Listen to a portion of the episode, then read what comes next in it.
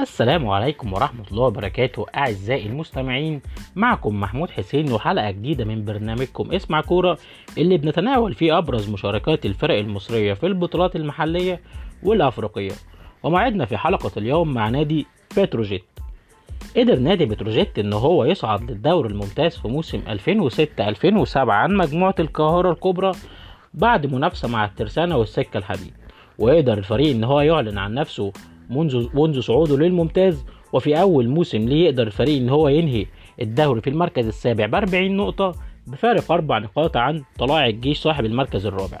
أما على صعيد مسابقة الكاس فودع الفريق البطولة من دور ال 16 بعد الخسارة أمام الأهلي بهدف أحرزه الأنجولي امادو فلافيو أما في موسم 2007 2008 يقدر الفريق إن هو يحسن مركزه في الدوري وينهي الموسم في المركز الخامس بعد سلسلة من النتائج. والعروض المميزة كان أبرزها الفوز على الإسماعيلي صاحب المركز الثاني في مباراة الذهاب بهدف لا شيء أحرزه علاء إبراهيم والتعادل معه في مباراة الإياب أو مباراة الدور الثاني 2 2 وكان سجل الفريق البترولي علاء إبراهيم ومحمد فاروق وللإسماعيلي المعتصم سالم وحسني عبد ربه وقدر الفريق إن هو يكرر فوزه مرة أخرى على الإسماعيلي. وكان المرة دي في دور ال 16 من كأس مصر بثلاثية نظيفة.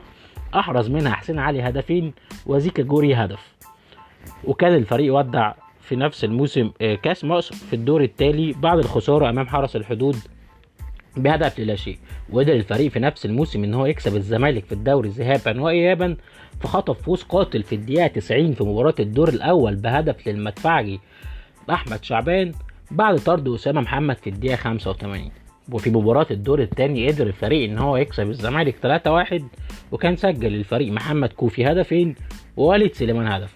وأحرز للزمالك في هذه المباراة شيكابالا وقدم الفريق على مدار الموسم أداء هجومي أكثر من رائع وأنهى الدوري كصاحب أقوى هجوم باحرازه ال 51 هدف وتوج لاعبه علاء إبراهيم في هذا الموسم بلقب هداف الدوري بعد ما قدر إن هو يحرز 15 هدف وقدر الفريق في نفس الموسم إن هو يحقق أكبر نتيجة ليه في الدوري بعد ما فاز على أسمنت السويس بثمانية أهداف للا شيء.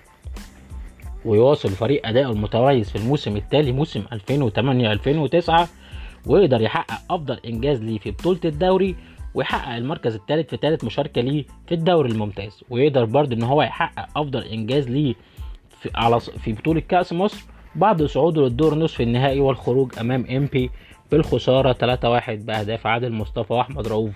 هدفين وكان أحرز لبتروجيت إيريك بيكوي. في موسم 2009 2010 بيشارك الفريق في بطولة الكونفدرالية ويقدر يتخطى فريق اي سي ميامياني الزنجباري بعد الفوز عليه بنتيجة 4 2 بمجموع مباراتين ليصطدم بالصفاقسي في دور ال 16 ويتعادل معاه في مباراة الذهاب 1 1 سجل لبتروجيت وليد سليمان وللنادي التونسي حمزة يونس ويخسر الفريق 1-0 في مباراة الإياب بهدف لشاد الهمامي يودع الفريق البطولة ويواصل الفريق مشواره في البطولة ويوصل للمباراة النهائية ويخسر اللقب أمام الفتح الرباط المغربي. وفي نفس الموسم يقدر الفريق يحقق المركز الخامس في الدوري بعد التساوي في نفس عدد بنفس عدد النقاط مع اتحاد الشرطة ولكن تفوق فريق اتحاد الشرطة بفارق الأهداف وكان رصيد كل منهم 47 نقطة وكان أيضا يفصل بينه وبين المركز الثالث نقطة واحدة وكان الإسماعيلي حقق المركز الثالث ب 48 نقطة.